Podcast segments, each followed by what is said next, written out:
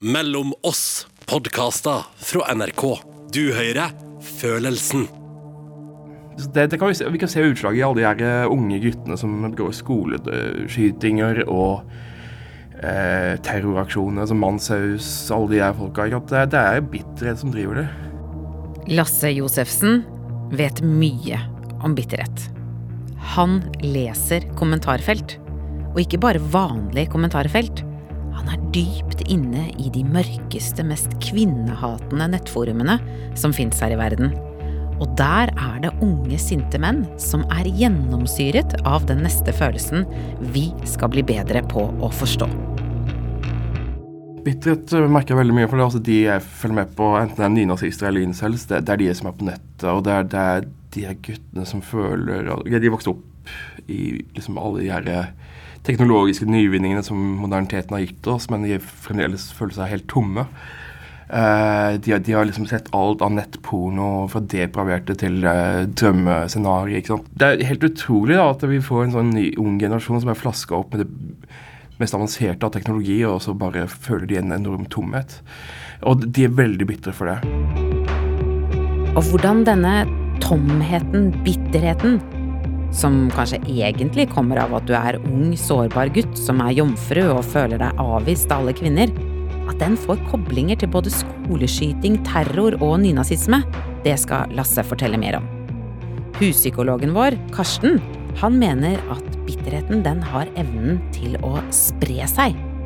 Bitterhet er en ganske sånn gjennomsyrende følelse som kan prege I hvert fall når den fester seg ordentlig i et menneske, så blir den også smittende. Men noen ganger så kommer det jo stor kunst ut av bitterhet. Bob Dylan som du skal få høre mer om senere, han er jo så god på bitterhet at det blir nobelpris av det. Altså, noen av de flotteste tekstene hans er jo skrevet eh, når han var på sitt bitreste. Vi har jo snakket om vanskelige følelser som hevngjerrighet og ydmykelse i denne serien, men det er som om at bitterheten den er så lite attraktiv at ikke bare vil vi stenge den ute, vi driver nesten aktive kampanjer mot den. Jeg får høre med en gang jeg blir skiltet at ikke bli bitter, ikke bli bitter, ikke bli, eller nå er du bitter, nå høres du bitter ut. Altså den der, Et sånn hulekor som, som sier at man ikke skal være bitter. Vi journalister er forresten også veldig opptatt av om folk er bitre. Vi spør og spør. Ble du bitter av å sitte i fengsel? Bitter av å miste jobben? Bittert at du ble lam pga. sykehustabbe? Er det bittert at du tapte denne lederstriden? Og alle sier nei, nei, nei. Ikke bitter. Vi kan jo la Robert Hermansen være et eksempel på en sånn type sak. Mann med høy status, styreleder for Det norske selskap, ble dømt til to års fengsel for korrupsjon. Og hva vil journalisten vite? Er du bitter? Er du ikke bitter på noen personer? Nei, nei, ikke overhodet. Overhodet ikke bitter. ikke det litt overraskende? Nei, jeg syns ikke det. Jeg har aldri hatt det med å være bitter. For livet det innebærer både nederlag og seire. og da får man legge ting bak seg. Jeg lurer på om det er derfor jeg blir sånn barnslig glad av å høre Sanna si det her. Og jeg tror det er litt det samme med bitterheten, at det er så lite stuerent. Altså at ingen tør å fortelle. altså De heller liksom nesten sånn krampaktig eh, insisterer på at 'jeg er ikke bitter, jeg er ikke bitter'. Så jeg pleier å si at 'visst faen er jeg bitter'. Hvorfor Sanna nekter å late som og i stedet bare eier den bitterheten, det er den første historien i Følelsen. Men jeg tenker at det er lurt å la Karsten forklare litt først, sånn at vi kommer litt inn i det bitre sammen. Og da kan du begynne med å se for deg en ku som kaster opp. Eller først skal Karsten forklare et fremmedord, og så kommer det med kua og oppkastet. For det er noe tvangsmessig også i, i, bitterheten hvis man blir sittende fast i tidligere opplevelser eller tanker om hevn eller fantasier om det. Det man kaller det, kaller det da, er å være ruminerende. Og ruminerende, det betyr altså tvangsmessig grublende. Men eh, det ordet ruminerende, det kommer av eh, rumen, eh, visstnok som betyr svelg. Så det er egentlig et uttrykk som er hentet fra, fra zoologien, som en beskrivelse av kuers måte å tygge drøv på. Hvor de tygger, svelger, kaster opp, svelger igjen, eller gulper opp i munnen, tygger igjen, ned og opp. Og det beskriver både det, det at det foregår en sånn slags evig, evig sirkel, Eh, og det er også et ganske sånn ekkelt bilde, og sånn kan det jo også da være med bitterheten. At den er, den er litt eh, Den er frastøtende. Den holder folk unna. Og alle vet jo hvor ubehagelig det er å svelge ned oppkast. Og i tillegg så kjennes det ut som at du bare må gjøre det. Du er liksom litt sånn fanga i den drøvtyggingen. For at man skal kunne kalle det bitterhet, så tenker jeg det må være et element av avmakt også. At man har opplevd tap. Man har stått i en ganske sånn eh, traumatisk eller omfattende tapsopplevelse. eh, som en ikke får gjort noe med, og som man kanskje også fornemmer at andre blir lei. Og en annen spennende ting ved denne følelsen, det er at den har noe kontrafaktisk over seg. Bitterheten prøver rett og slett å skrive om historien tapsopplevelsen peker bakover.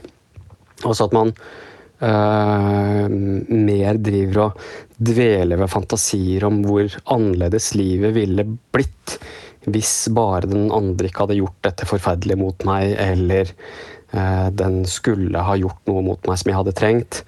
Og at man driver og dikter opp fantasier om hvor annerledes livet ville blitt. Og fantaserer rundt det, og kjenner på, kjenner på sorgen og sinnet over det vonde man blir utsatt for, uten å ha mulighet til å bruke det sinnet og den, den energien da, som er i sinnet, til å komme et sted videre. Så da sitter vi der da med det sure oppstøtet i munnen og sier hadde jeg bare ikke mistet jobben, hvis jeg bare ikke hadde blitt syk, hadde han bare ikke gått fra meg og blitt sammen med en på jobben som jeg alltid har vært sjalu på, og nå sitter de der sammen på kontoret, mens jeg er arbeidsløs og har gått i kvinnefella? Ja, akkurat det siste der, det er historien til Sanna Saroma. Så, så det er egentlig Jeg kan konkludere med at, at det er mye å være bitter på. Er det ikke det? Jeg vet at det ikke er alle som setter pris på at vi har en sånn frittalende finsk samfunnsdebattant gående, som jevnlig er en skikkelig frekkas i kronikker, og langer ut mot norsk latskap, den dårlige skolen, språket vårt, som visstnok er helt på kjøret. Men jeg har alltid likt henne sånn fra sidelinjen, og når hun med deilig finsk aksent og sterke gloser sier det her… Visst faen er jeg bitter. Da liker jeg henne enda mer. Da hun ble forlatt, så bestemte hun seg for å skrive en bok om skilsmisse. En overlevelsesguide. En bok som for øvrig fikk svært gode anmeldelser. Men da var også folk veldig opptatt av at den for all del ikke måtte være bitter. Jeg husker det liksom, jeg fikk flere sånne meldinger, Messenger-meldinger og e-poster. At, eh, at, ja, at jeg, jeg, vil gjerne stille opp, men, eh, men, husk at du ikke kan skrive en bitter bok. At det vil slå ut mot deg selv, og det vil slå ut mot barna dine. Altså veldig sånn Eller sånn paternalistisk og moraliserende. Litt sånn at jeg tenkte faen, jeg skriver den boken jeg vil. altså at, at jeg, og jeg tror, liksom, jeg, jeg tror jeg svarte at hvis jeg ikke kan skrive en bok om bitterhet, og hvis jeg ikke kan skrive en bitter bok, hvem i dette landet da kan og vil gjøre det?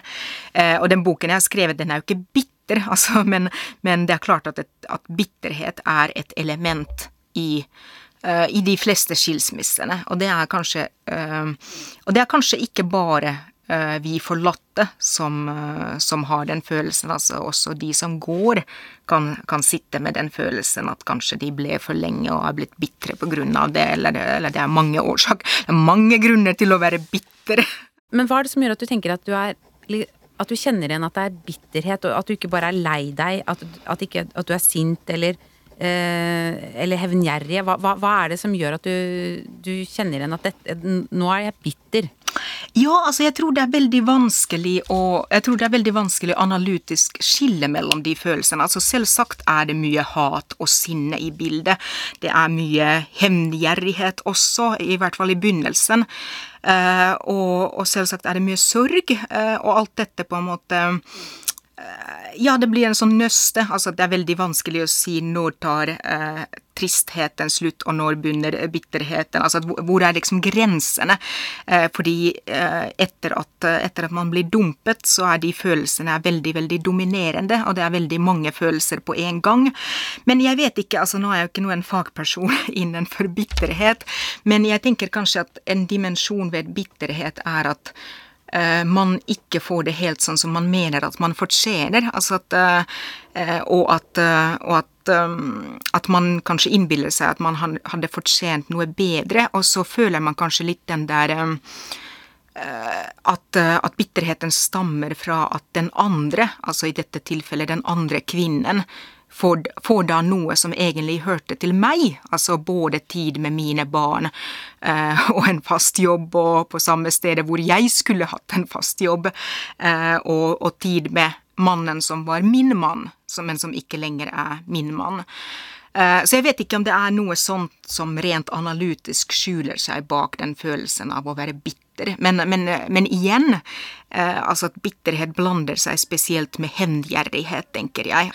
Altså at jeg har jo hatt sånne bitre utfall. altså at eh, da jeg så bilen hennes parkert hos ham, så skrev jeg 'hore' med leppestift på hvert eneste bilvindu. Og, og, det ga jo en litt sånn deilig følelse, altså et lite kick, at 'nå skal du faen meg høre'. Sanna tenker at det kanskje går an å dele bitterheten i to, at du kan være passiv bitter, mens at hun er litt mer aktiv. Det der med hore på bilvinduet og alt det der. Jeg har en sånn livsløgn, at jeg ikke har noen livsløgner. At jeg prøver i hvert fall å være ærlig om, eh, om mine egne følelser. Nå er det jo tre og et halvt år siden uh, han dumpet meg til fordel for henne.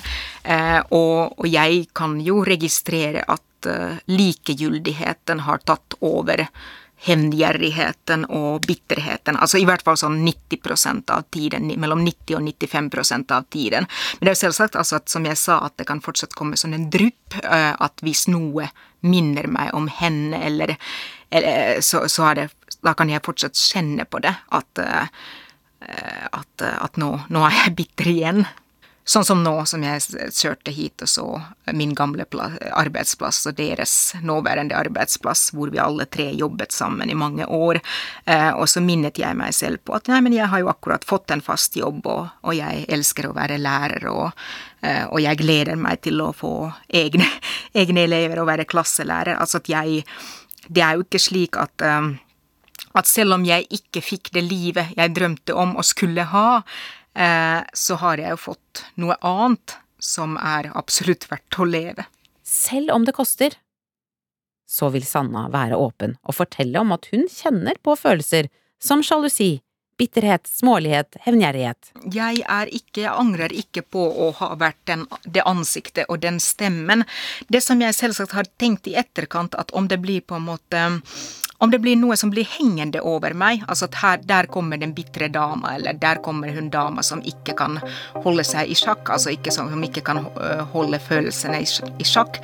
Eh, og det er jo litt, litt sånn trist, eh, fordi jeg, jeg, er mye mer altså at jeg er mye mer enn bare bitter. Altså jeg er kompetent og kunnskapsrik og, og, og, og you name it.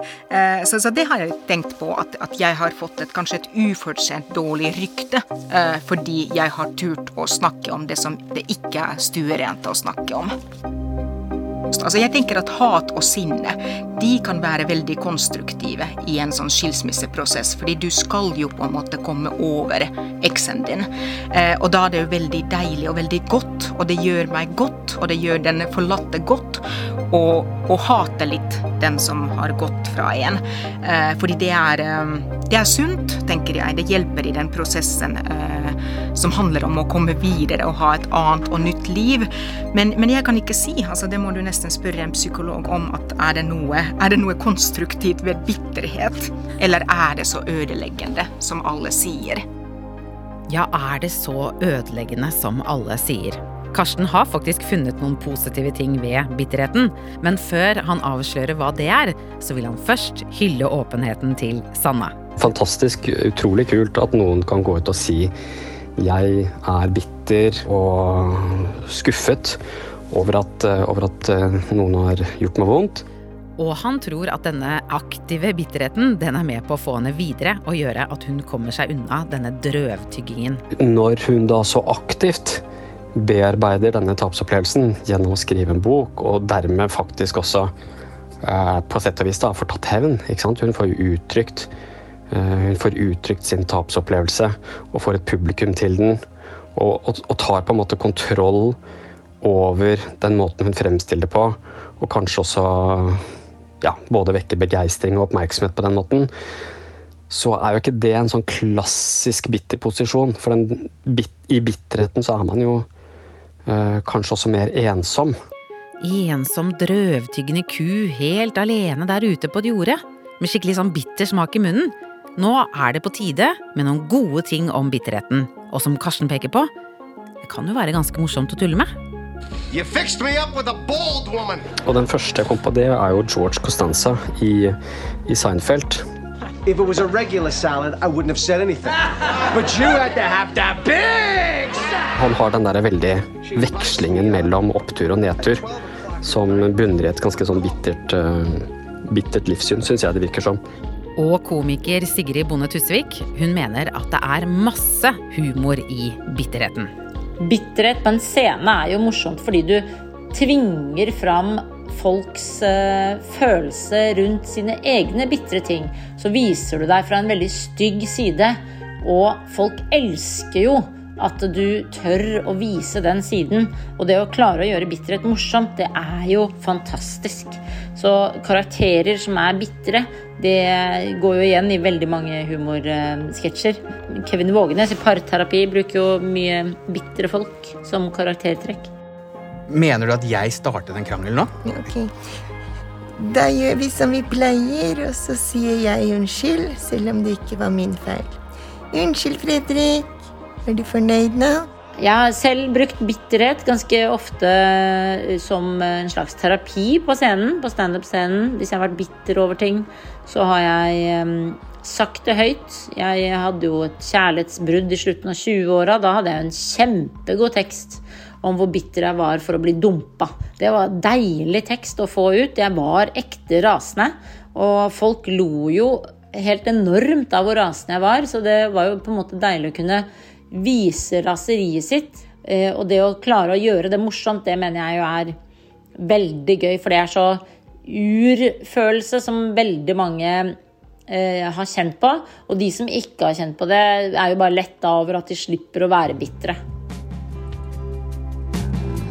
Og så har vi jo han her. Selveste premiekua innen bitterhet. Som er bitter på kvinner, journalister og ikke minst seg selv og hele livet sånn generelt. Altså, noen av de flotteste tekstene hans er jo skrevet eh, når han var på sitt bitreste. Og dette er det superfan Espen Aas som sier, altså. Blir mer og mer aggressiv. Han står og skriker denne eh, Idiot Wind og drar denne teksten mer og mer til. Det er et under at du helt tatt klarer å puste. Sånn den vinden som blåser fra føttene og ut gjennom munnen. Du er helt hul. Ikke sant? Vanligvis sier han jo sånn som det her, når han f.eks. leder debatter i Dagsnytt 18. Ja, Da sier vi god kveld og velkommen til Dagsnytt 18 med Espen Aas. Hele denne sendingen i kveld vies til det koronaviruset og den unntakstilstanden som vi nå befinner oss i. Men nå må alle debatter med politikere vente, for Espen skal ta oss med til Bobs bitre verden. Serverne her ligger det da på denne her så ligger det nærmere 80 000 eh, enkeltlåter med Bob Dylan. Uh, opptak da fra 1958. Uh, og inkludert da den siste platen. Som du hører, Espen er liksom ikke bare litt fan. Han har jo alltid hatt et veldig sånn, komplisert forhold til uh, kvinner. Hvor det jo er mange som er. Uh, og det har jo da satt i gang utrolig mange følelser hos ham, og veldig mange ganger en bitterhet. For han har jo hatt et enormt ego, og mennesker med enormt ego passer jo ikke alltid så godt inn uh, i relasjoner. Uh, og derfor så har jo det da resultert i, helt fra noen av de tidligste platene, veldig bitre utfall, som Don't Think Twice, som er en veldig kjent sang fra den andre platen hans, hvor han liksom bare sier You just kind of wasted my precious time, but don't think twice, it's alright. Som jo er uh, litt av en avskjedsgave å gi til noen du har kanskje elsket. Jeg er jo en av dem som frekt avskriver Bob Dylan som en skvækete, gammel, sur mann. Men jeg får faktisk et nytt syn på Bob, ja, når jeg møter han gjennom øynene til den 16 år gamle Espen i 1989. Se for deg en gutteslamp, 80-tallsklær, rocka type, langt hår, og som tilfeldigvis setter på noe Bob Dylan og blir bare lamslått. Hva er det han sier? Han sier liksom bare alt som jeg tenker og føler som 16-åring, hvor du liksom bare eksploderer innvendig som uh, ung mann. Du er på utsiden av alle sider, du er misforstått av alt og alle, ikke sant. Og så kommer da bare den derre rasende lille amerikanske jøden med disse uh, fantastiske tekstene, uh, og som bare da griper meg, og som har gjort det aldri har sluttet. Jeg har da i gjennom 30 år spilt Dylan, jeg har gått på konserter, jeg har samlet tusenvis av konsertopptak. Og jeg bare spiller og spiller og spiller det. Og det er, det er helt umulig å få nok av det. Espen viser meg Den hellige gral, Bob Dylan-serveren med alle låtene. Så her ser du da, ikke sant, så ligger jo årene nedover. 59, 60, så går det oppover. Og her finner vi alt alt det rasende, bitre mørke, eksempel på plata Time Out of Mind fra 1997. Um, it's not dark yet, but it's getting there. Uh, en av de mørkeste, men flotteste sporene på den platen. Uh, I'm lovesick, I'm sick of love. Um, så han ser jo da uh, tilbake og ser alle disse feilene, og er i en sånn evig tilstand av, av mørke og skumring. Det er veldig sjelden du vil finne solskinn, bright day beskrevet på noe som helst måte. De, de fins, men det er ganske langt mellom dem. Og det der det kan være fint å besøke når livet går bra og du er på vei inn i et etablert liv med samboer og boliglån. Du trenger ikke å være bitter selv uh, for å, å, kunne forstå bitterheten, for du har alltid vært der nede. Og du kan jo være ganske sikker på at du skal dit igjen også, uh, veldig ofte. Eller når livet gir deg en liten kilevink noen år etter. Fire år senere så var livet mitt helt snudd om. Eh, og hadde flyttet inn som en kamerat. Eh, og var sent på kvelden. Jeg satt og spilte den platen om igjen og om igjen og om igjen. Og om igjen. Eh, og røkte jeg vet ikke hvor mange sigaretter. Det var sånn, sånn klisjé som nesten dryppet av. Men da var jo disse Dylan-låtene helt, helt perfekte. Og det er særlig måten Bob spytter ut låtene som er hele nøkkelen. Folk har jo vitset om Dylans stemme siden tidlig 60-tall. Og han kan ikke synge, han synger som en kråke. Men han er flink til å bruke pusten, ha pauser, hvordan han legger trykk i sangen. Og det skaper en sånn fremdrift i historien, det også. Eh, også fordi jeg jo har en helt sånn kraftig Dylan-diagnose, så har jeg da opp gjennom årene samlet på masse konsertopptak. Tusen, tusen, tusenvis av konsertopptak hvor han jo aldri spiller den samme sangen eh, likt. Det er jo alltid annerledes ut fra hvordan han føler seg. Og noen ganger så kan jo en kjempebitter sang da, som Idi Twin, som jeg nevner, bli liksom tusen ganger bitrere. Eh, eller det som du kanskje har tenkt har vært en fin, ok sang om forelskelse, virkelig ikke er det. For ordene bare spyttes ut. Og måten han uttaler ordene på, har det snudd hele meningen uh, i den teksten. Så det er noe med de universene som, som han lager. Og det å føle at noen treffer noe inni deg på den måten wow, Det er sånn raseri og spytter de uh, ordene. Og kanskje særlig når det er noen av de vonde følelsene som bitterhet, så er jo det veldig deilig, da. Idealbildet er jo at vi alle er lykkelige. Uh, og ingen, ingen, vil høre på noen som klager, egentlig. Man har ikke lyst til å høre på noen som syter etter, eller man har ikke lyst til å høre noens historie om at de ikke har noe bra. Det får liksom skje hos en, en, en, psykolog.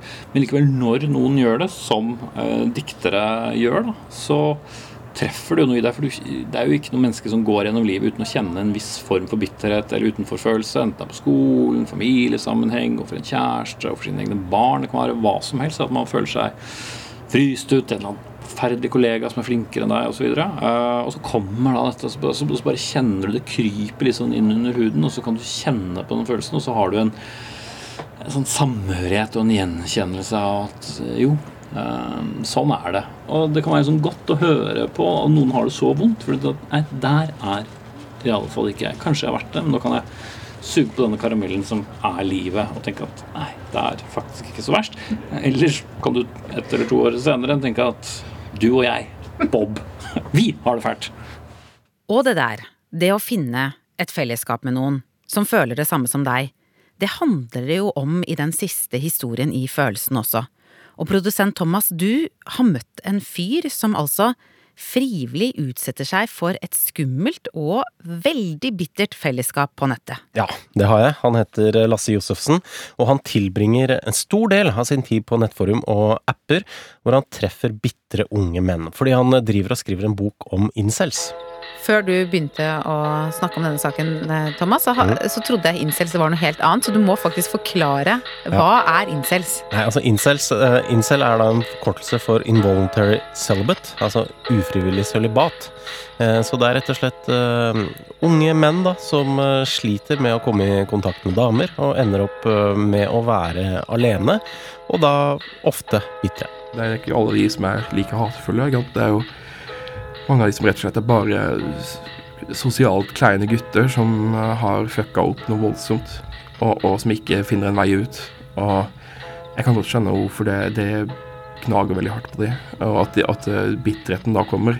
For når du er, har eh, gått gjennom alle stadiene av sorg og, og, og sånn, så, så, så er det en som står igjen med da, er jo den bitterheten. Det er den, den du tar tak i og dyrker. Det er jo ikke noe gøy å føle seg avvist av alle kvinner, det kan jeg forstå, men hva, hva, er det de er bitre på? Nei, altså det er mye forskjellig, men det er noen ting som går igjen. En av dem er bitterhet mot den generasjonen som da ble født de to første tiårene etter andre verdenskrig, også kalt boomer-generasjon. Og der, der har du jo for eksempel det her memet som eh, på en måte ble drevet like mye av nynazister som hos resten av eh, generasjon Z. Det var det der OK boomer, hvis du husker det. Det er kanskje ikke alle som vet eh, hva vår foreldregenerasjon blir kalt, eh, Thomas? Nei, eh, men eh, OK boomer, eh, som han da nevner her, var en slags slagord og en catchphrase, på en måte. Altså, hver gang noen i boomer-generasjonen da kom med noen argumenter på nettet man ikke likte, så brukte man eh, OK boomer da for å slå ned den kommentaren og påpeke at det du sier der, det sier du fordi du er gammel og utdatert. Okay, okay,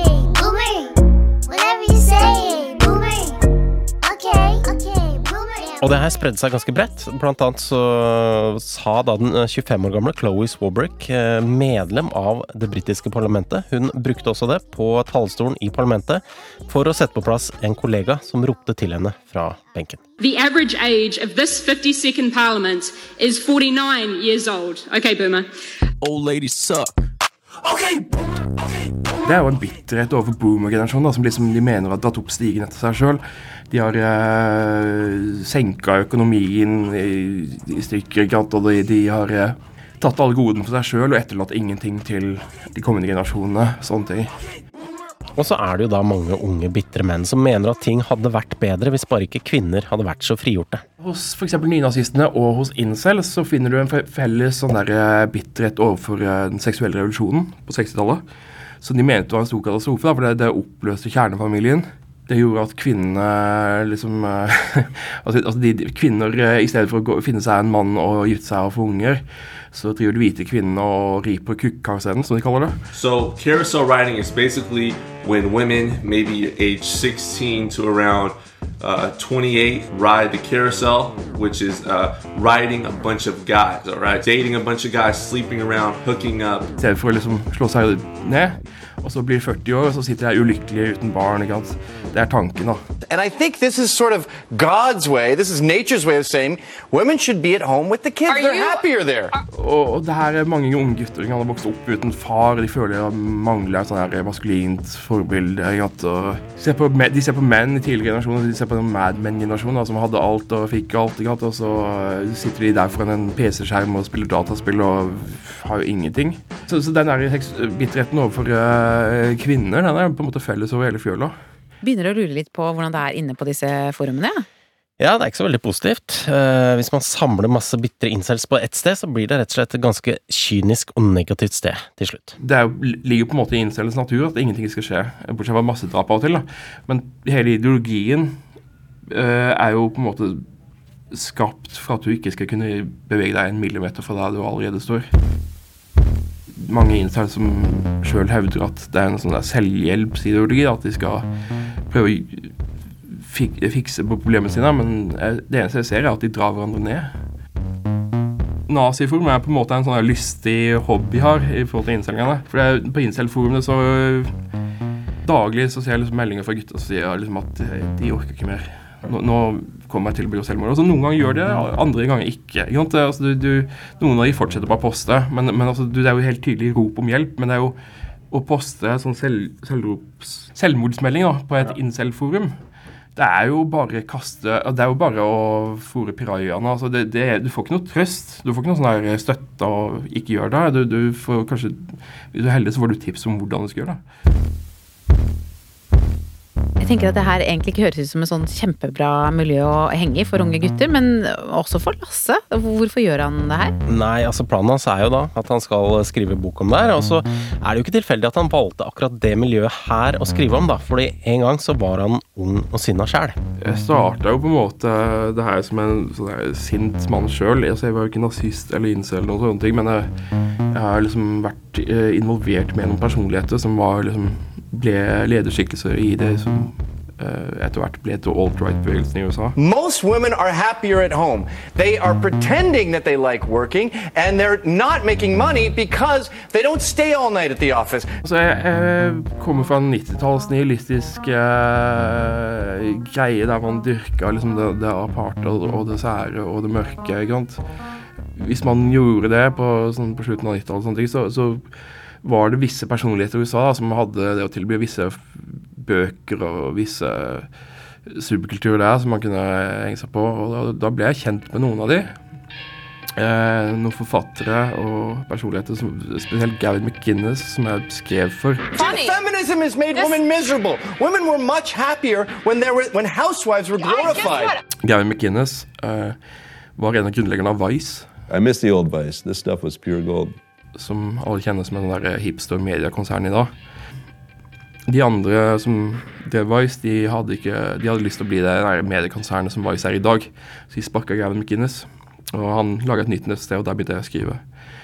Eh, så skrev jeg for han et par år, eh, og så trakk jeg meg tilbake når jeg så at det her noe rundt meg begynte å bli sånn koagulere til en bevegelse, en gruppe. Og jeg liker jo ikke eh, politikk, og minst alt liker jeg nynazisme og sånne ting. Og så en del personligheter rundt det som var liksom dodgy når jeg trakk meg tilbake, så så jeg jo mye som skjedde. Da. Så blant annet Gavin McInnes danna en sånn derre uh, herjegruppe for uh, menn som heter Proud Boys.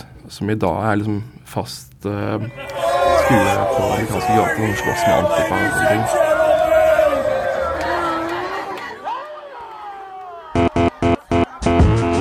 Så Lasse var rett og slett en av dem? Altså Han var en bitter ung mann? Ja. ja, jeg var, var, på en måte det. Men altså, ikke noe, ikke noe, i forhold til de som er i dag. For jeg har alltid sett litt mørkt på ting, da. Samtidig så har jeg alltid funnet en sånn konstruktiv måte å bruke den bitterheten på. Ende gjennom mørk humor og ta den og finne det interessante ved det. Dyrke litt, snu litt på den og se litt nærmere på det. Hva er det som eh, Altså funnet det interessant og kan på en måte bruke det til kreative ting. Jeg har, jeg har, ikke latt det ta over livet mitt, for jeg har jo også vært omgitt med solide personer som, som kan liksom dra meg ut av når jeg er på det verste. Lasse har jo klart å, å, bruke denne bitterheten til noe kreativt, men det er jo ikke alle som har det, virker det som? Nei, det er det absolutt ikke. Men uh, Lasse har i hvert fall en viss forståelse for at folk kan bli bitre incels. Veldig mange av bekymringene som både nynazister og incels sånn, jeg, jeg, kan skjønne fint. Og spesielt incels har jeg veldig mye sympati med. Selvfølgelig, synes Det er ikke noe fint med kvinnehatet som de utvikler i det hele tatt. Men uh, jeg, prøver, jeg, jeg, prøver, jo å tenke, da, når jeg ser alt det verste av det, så prøver jeg liksom å tenke at uh, den derre trangen til å, å være med andre mennesker å bli berørt av et annet menneske. Uh, og alle de tinga. Um, det er ganske viktige, viktige saker for et menneske. Med, med incel så er det at de, de, tror at det kun er sex de vil ha, men så ser du litt nærmere på livet ditt, så ser du at det er veldig mange andre mangler der. Ikke? Det å være deppa fordi at alle kvinner avviser deg, det, det er jo én ting. Men hvordan er det det her henger sammen med eh, alle disse ekstreme tingene som noen ganger leser om? Nei, altså bitterheten fører jo til eh, ganske ekstreme ting innimellom. Og alle disse forumene han er inne på, er jo internasjonale. Eh, men det er to nordmenn som eh, dessverre har utmerka seg for alle de som holder på her. Ja, det, er nok av nordmenn. Og du, du ser jo Vi har jo to av det vi kan kalle saints da, eh, på lista, altså helgener. Dvs. si eh, nynazister som har valgt å ta saken i egne hender og begå terror. Eh, og de blir kalt saints på nettforumene. Det er Breivik og det er Manshaus. Manshaus ble jo først eh, på en måte eh, ledd litt av fordi han klarte kun å drepe en forsvarsløs jente. ikke? Og ble banka av en gammel muslim. Eh, men så kommer de bildene han i rettssalen da, med, der han strigler ammedress og, og rekker opp høyrehånda i Hitlerhylsen.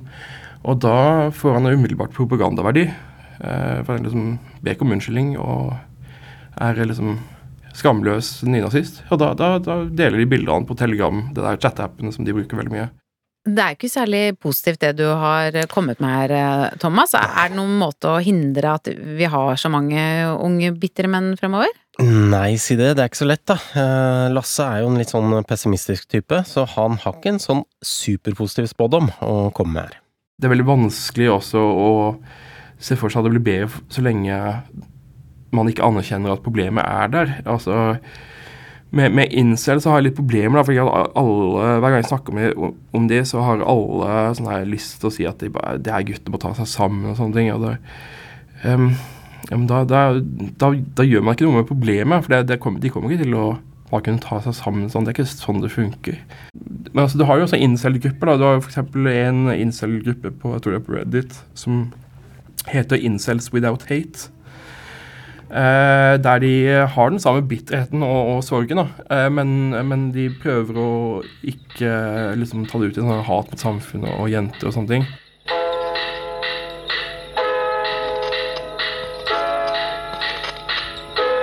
idet du kvitter deg med det der eh, irrasjonelle hatet da, mot, mot omverdenen, så, så, har du mye større sjanse for å, å kunne bli fanga opp og hjulpet av folk rundt deg òg. Jeg begynner å se noen personer som uh, faktisk tar seg tid da, til, å, hilse på incel og prøve å komme i kontakt med dem. Jeg sier ikke at man skal drive og forstå i hjel alle de her uh, hatefulle mennene, men altså å vise at det er en varme da, på utsida, og vise at det er noe å gå til. Eh, og at ikke alt trenger å være så håpløst. Det kan, det kan være en slags løsning der, da. Iallfall på individnivå. På, på det store makronivået, og det er det fremdeles et problem. For hva skal vi gjøre med en hær av tusenvis av sinte og bitre gutter? Den, den skal godt gjøres og løses. Den store hæren av bitre unge menn, den er vanskelig å løse, som Lasse sier. Så la oss ta tak i lyspunktet, individnivået, deg og meg. Og der mener Karsten at vi kan gjøre flere ting hvis vi har lyst å håndtere bitterheten bedre. Og én ting er at vi rundt, vi kan være mer tolerante overfor en bitter kompis som drøvtygger på at kjæresten gjorde slutt. Det tar ofte lengre tid å komme ut av sånne opplevelser enn det omgivelsene er klar over. Sånn at eh, det å være tolerant og tilgi seg både å være sint og være lei seg over noe lengre tid, kan være viktig. Og det er kanskje også viktig, eh, eller lurt, å gjøre omgivelsene oppmerksom på at dette, dette kommer jeg til å trenge støtte på, og jeg er redd for å bli bitter, så dere må hjelpe meg med å, med å ikke bli gående og gnage på disse tingene om og om igjen. Så vi rundt kan være litt mer rause, men du, den bitre, har også en jobb å gjøre. Et viktig botemiddel da, mot bitterhet er det nok veldig viktig å, å, ta tilbake en opplevelse og være i en mer mektig posisjon. Så det å finne andre områder, eller begynne å tenke framover i stedet. Hva skal jeg gjøre neste gang jeg havner i en sånn situasjon hvor noen gjør meg noe vondt? Hva kan jeg da gjøre? Og med andre ord, hva kunne jeg egentlig ha gjort den gangen også? Selv om det ikke var min feil. Hvordan skal jeg støtte andre hvis jeg ser andre blir dårlig behandlet? Kan også være Eh, en måte å komme seg ut av det på. Så det å på ulike måter eh, jobbe mot og se hvilke muligheter man har til å være en aktiv aktør i eget liv. Dette høres veldig sånn floskelaktig ut, men det tror jeg er kjempeviktig. Og så ikke glem, bitterhet det er jo faktisk en form for beskyttelse. For i stedet for å bare ta med deg sorgen innover og piske deg selv, så flytter jo bitterheten skylden ut. Dealen var ikke at han skulle gå fra meg, og så skulle jeg være liksom skilt og stakk på Lillehammer hvor det er vanskelig å få jobb, og hvor jeg ikke har, eh, ikke har familie. Så sånn sett så tenker jeg at bitterheten har en funksjon. Det er faktisk noe konstruktivt i den, Sanna. Det er på sett og vis verre å erkjenne eh, et tap og, flytte skylden til seg selv, eller gå under jorda med, med, med sorg. Så sånn sett så er jo bitterhet eh, kanskje å foretrekke for en kort periode. Fordi det får en, holder en i gang og, og er en form for eh, mer aktiv beskyttelse i det. Da hadde vi jo hatt bitre vinkvelder hvor vi har liksom snakket dritt om eksene og eksenes nye. Altså som en som slags eh, ja, selvterapi, ikke sant? Og så er det jo fint å være ærlig med seg selv. For den gulpende kua som svelger ned oppkast, den finnes i oss alle. Følelsen av bitterhet er jo like ekte og like sann og like legitim egentlig som følelsen av eh, glede eller kjærlighet. Ikke gå glipp av neste følelse. Abonner på podkasten, søk på Mellom oss i NRK Radio, og så trykker du bare på en stjerne. Da er det ikke lenge til du får møte en 92 år gammel professor som klarer det kunststykket å være enormt sjarmerende. Det var jo helt fantastisk. Ja. Som om det skulle vært planlagt. Samtidig som hun er helt ekstremt desillusjonert på våre vegne. Jeg må dessverre si at jeg har mista troen på menneskenes rasjonelle handlinger. Det handler om kampen mot atomvåpen og en ærefrykt for livet. Det er et dårlig ord for noe som er godt. Vi utforsker det ordet som Kirsten her mener er veldig dårlig. Og så får du også høre hvorfor hun har mistet troen på oss. Du har hørt en podkast fra NRK. Hør flere podkaster og din favorittkanal i appen NRK Radio.